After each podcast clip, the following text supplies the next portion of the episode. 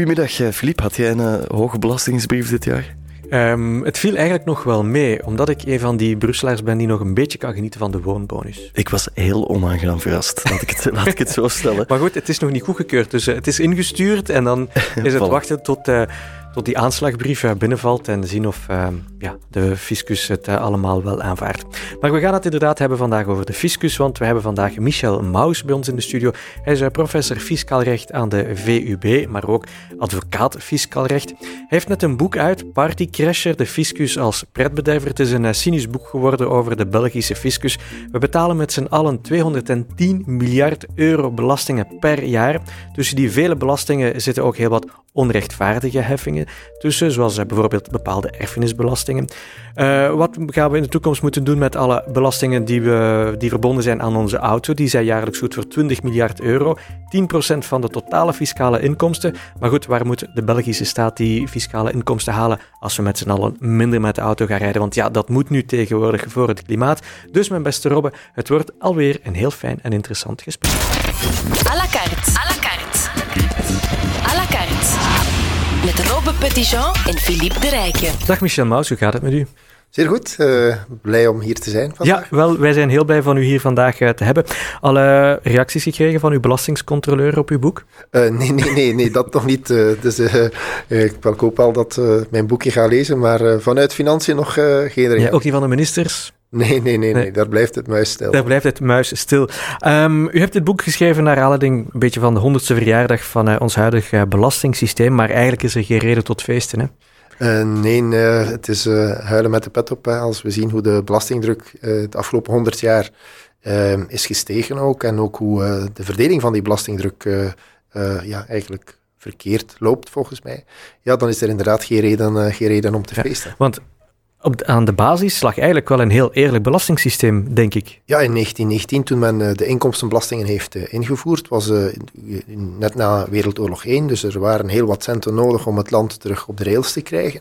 Dan heeft men eigenlijk een vrij logisch herverdelend principe ingevoerd, waarbij men echt de sterkste schouders, zwaarste lasten principe heeft ingevoerd. En toen waren er ook, net zoals we dat de dag van vandaag kennen, progressieve tarieven. Dat wil zeggen tarieven die volgens het schijfsysteem oplopen in functie van, van uw inkomen. Alleen was het toen ja, totaal iets anders. Hè. Men is gestart aan 1% en het hoogste tarief was 27,1%.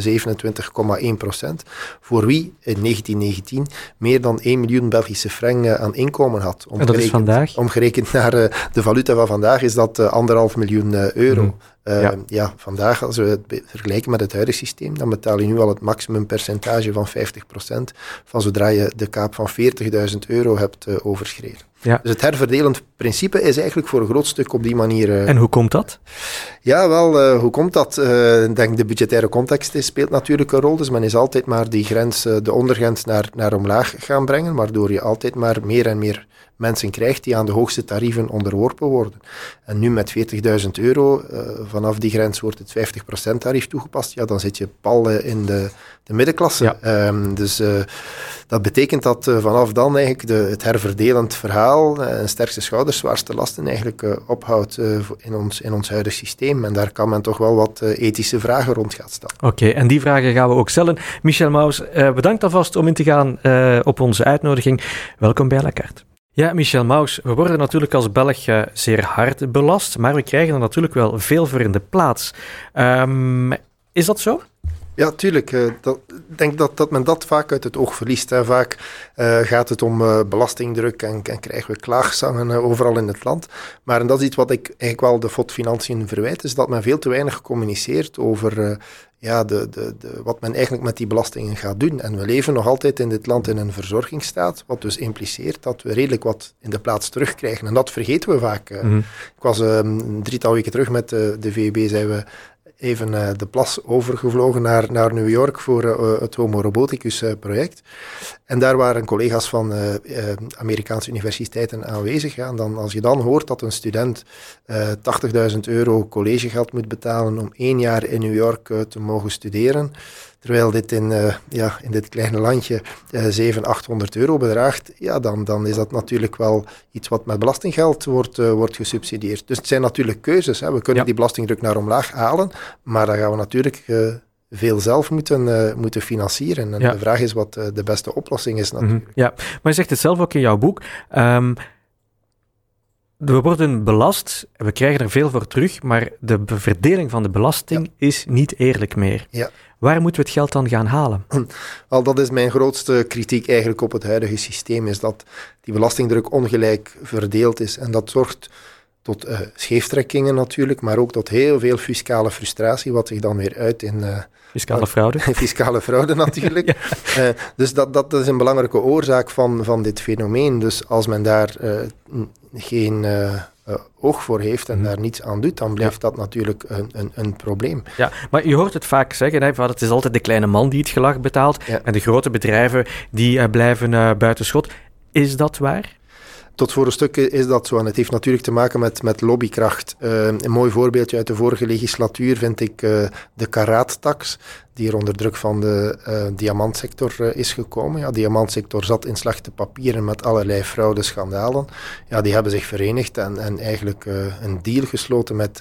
met de fiscus? Ja. Met, enfin, niet met de fiscus, maar met, met de regering mm -hmm. eigenlijk.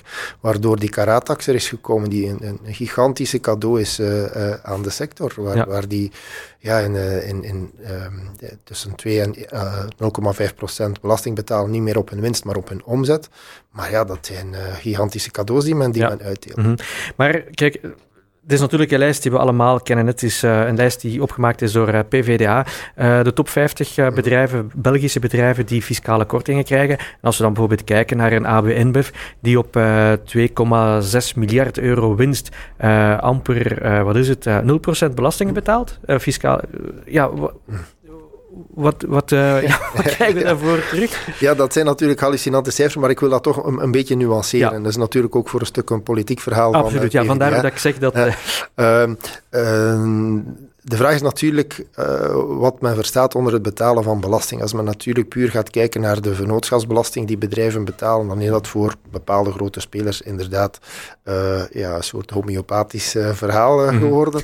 Maar men mag natuurlijk ook niet vergeten dat die, zeker een bedrijf zoals InBev toch redelijk wat mensen te werk stelt en ook via dat kanaal natuurlijk belasting betaalt. Als men lonen uitbetaalt aan werknemers, ja, op die lonen worden er ook belastingen betaald natuurlijk. Dus indirect zorgen zij op die manier natuurlijk wel voor, uh, voor wat financiering van, ja, de, van de maar stad. is het, is het logisch dat er op zo gigantische winsten eigenlijk weinig belasting wordt betaald? Uh, nee, absoluut niet. Ik vind dat inderdaad, ja. inderdaad niet logisch. Mm -hmm. En Geert Noels heeft ook in zijn boek Gigantisme, die een paar maanden geleden op de markt is gebracht, dat ook duidelijk nog eens in kaart gebracht dat hoe groter men wordt als bedrijf, hoe lager de belastingdruk blijkbaar uitvalt. Dat, dat maar moet de overheid daar ingrijpen? En ja. hoeveel, hoeveel extra miljarden kan de overheid daarmee ja. binnenhalen? Wel, maar ik zie, ik zie toch, um, en dat is ook iets wat mij al, al langer bezighoudt, ik, ik ben meer en meer de filosofische tour op aan het Mm. gaan en, en Ja. de, de fiscale Mhm. psychologie aan het bekijken. En ik zie toch wel, um, wel wat weerstand uh, opduiken. De hele hesjesbeweging is een mooi voorbeeld van,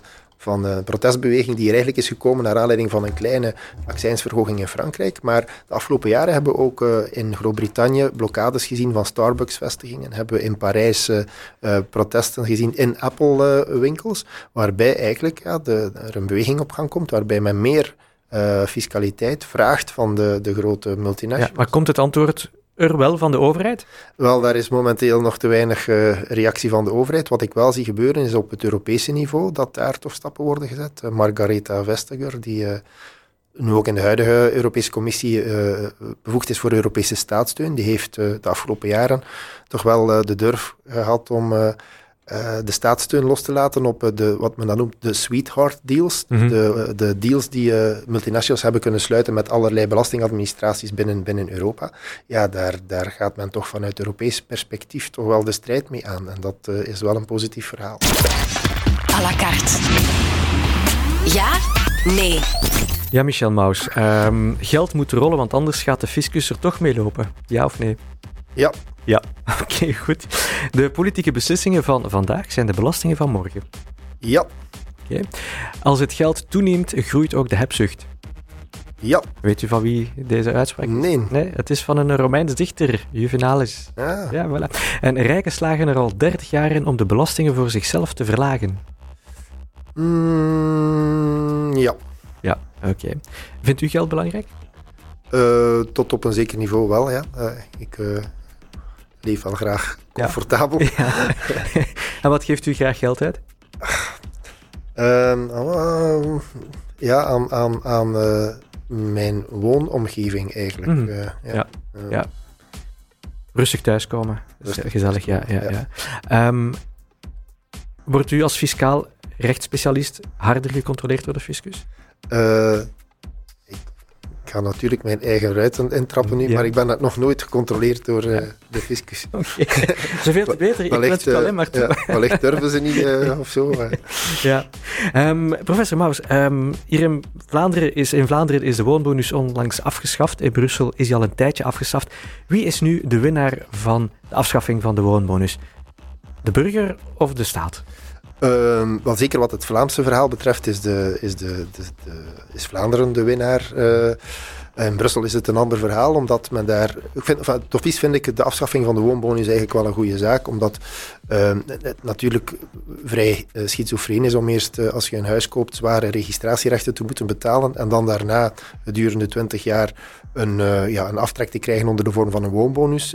mensen hebben de centen nodig op het moment dat ze een huis kopen, dus dan is het logischer dat men met lagere registratierechten werkt. Mm -hmm. In Brussel heeft men daar een systeem waarbij men uh, tot de, op de eerste 175.000 euro geen registratierechten betaalt, op voorwaarde dat uw huis minder kost dan 500.000 euro. Uh, wat toch een aanzienlijke besparing inhoudt.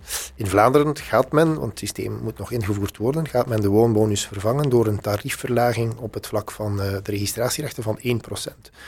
Voor een doorsnee woning betekent dit dan uh, ja, een, een, een, fiscaal, uh, een fiscaal voordeel van 2500, 3000 euro, terwijl de woonbonus over 20, 25 jaar bekeken toch wel ja, 32.000 euro of zo uh, oplevert. Dus men verkoopt het in Vlaanderen als ja. een, iets wat goed is voor de mensen, omdat het blijkbaar volgens bepaalde studies de woningprijzen doet stijgen, maar eigenlijk is het een pure besparingsoperatie. Ja, maar de Brusselaar is er beter mee af. De Brusselaar is er beter mee af, ja. Um, is de Brusselaar ook beter mee af met de erfenisbelasting? Want dat is echt wel een van uw do de doorn in, uh, in uw oog. Hè? Uh, waarom is de erfenisbelasting voor u zo onrechtvaardig?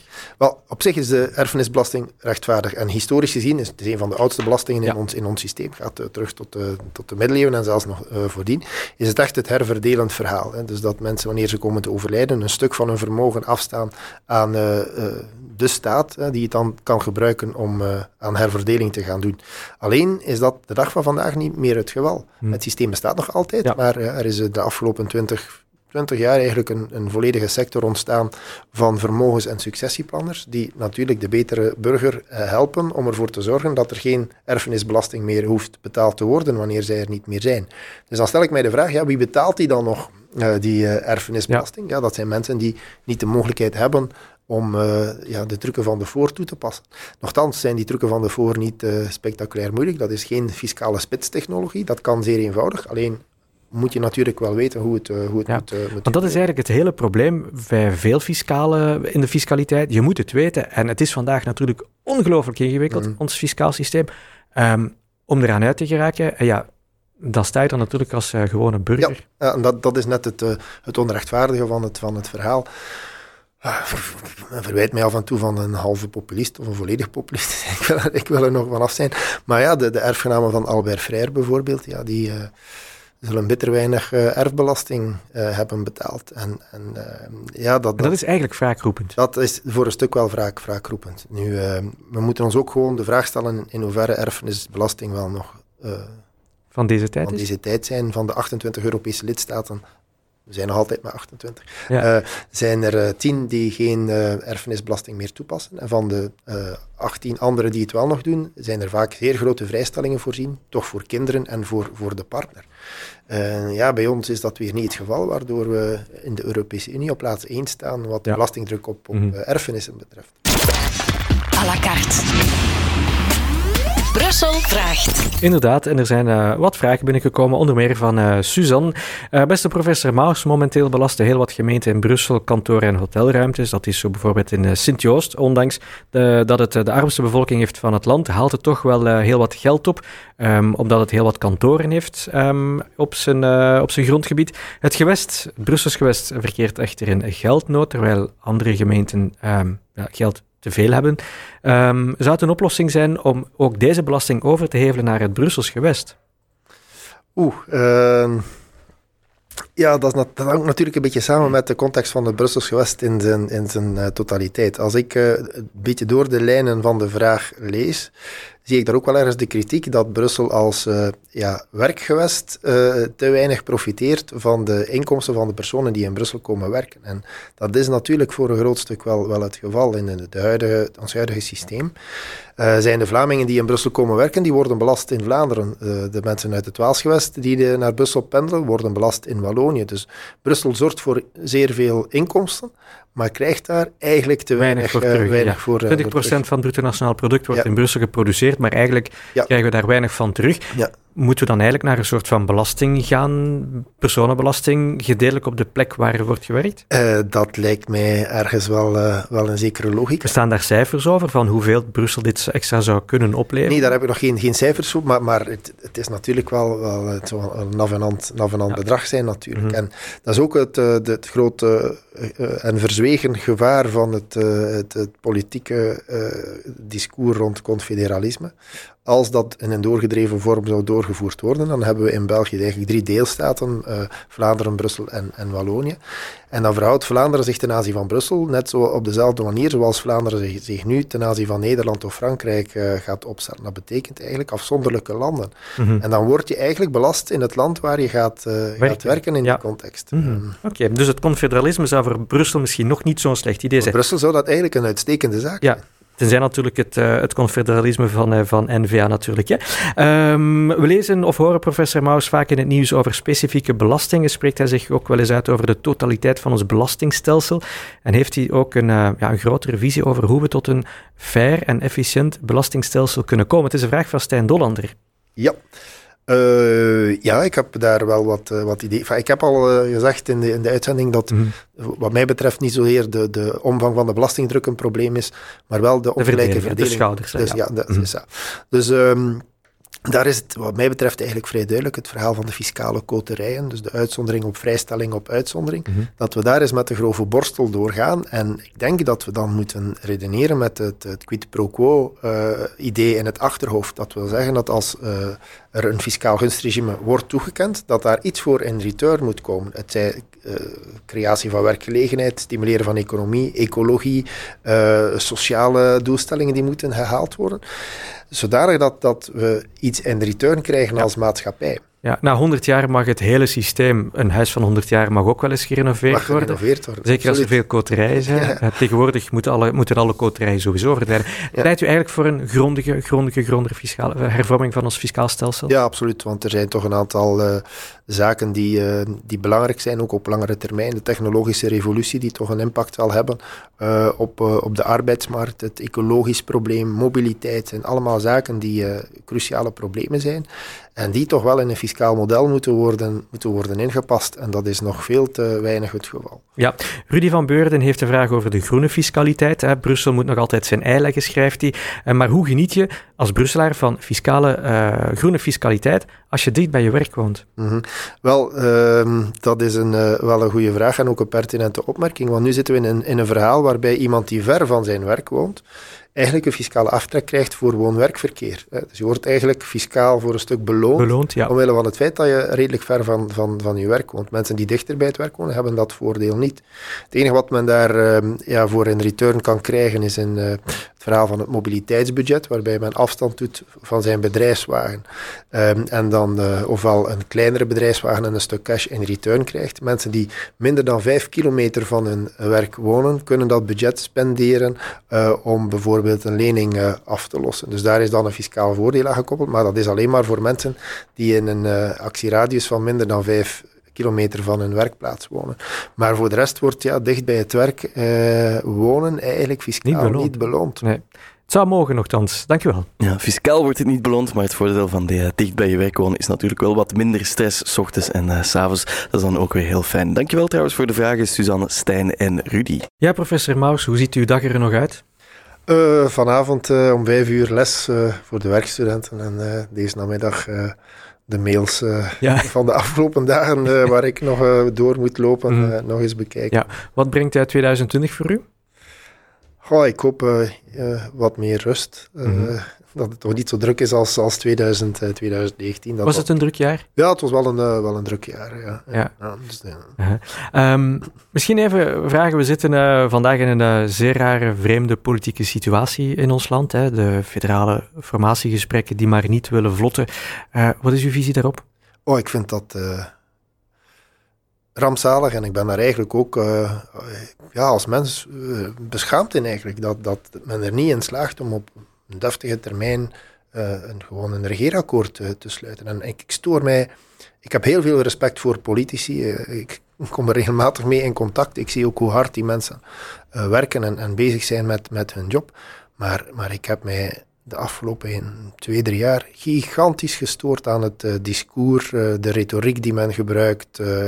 ja, het is echt eh, conflicten opzoeken. Ik, ja, ik vind dat uh, absoluut not done. Maar het is mm. natuurlijk een internationaal verhaal. We zien dat bij Trump, we zien dat bij Boris Johnson. En ik kan alleen maar vaststellen dat dat eigenlijk voor een stukje overwaait uh, naar ons ook. En dat, dat, dat brengt niemand vooruit. Nee, maar hoe lang gaat, gaat de burger dit nog pikken? Ja, dat is een goede vraag. Ik zie eigenlijk eh, tot mijn spijt, ja, heel wat mensen die zich ook wel daarachter scharen voor een stuk en dan voor kamp A of voor kamp B gaan kiezen, waardoor je natuurlijk op, in verkiezingsuitslagen rare, rare zaken ziet mhm. gebeuren.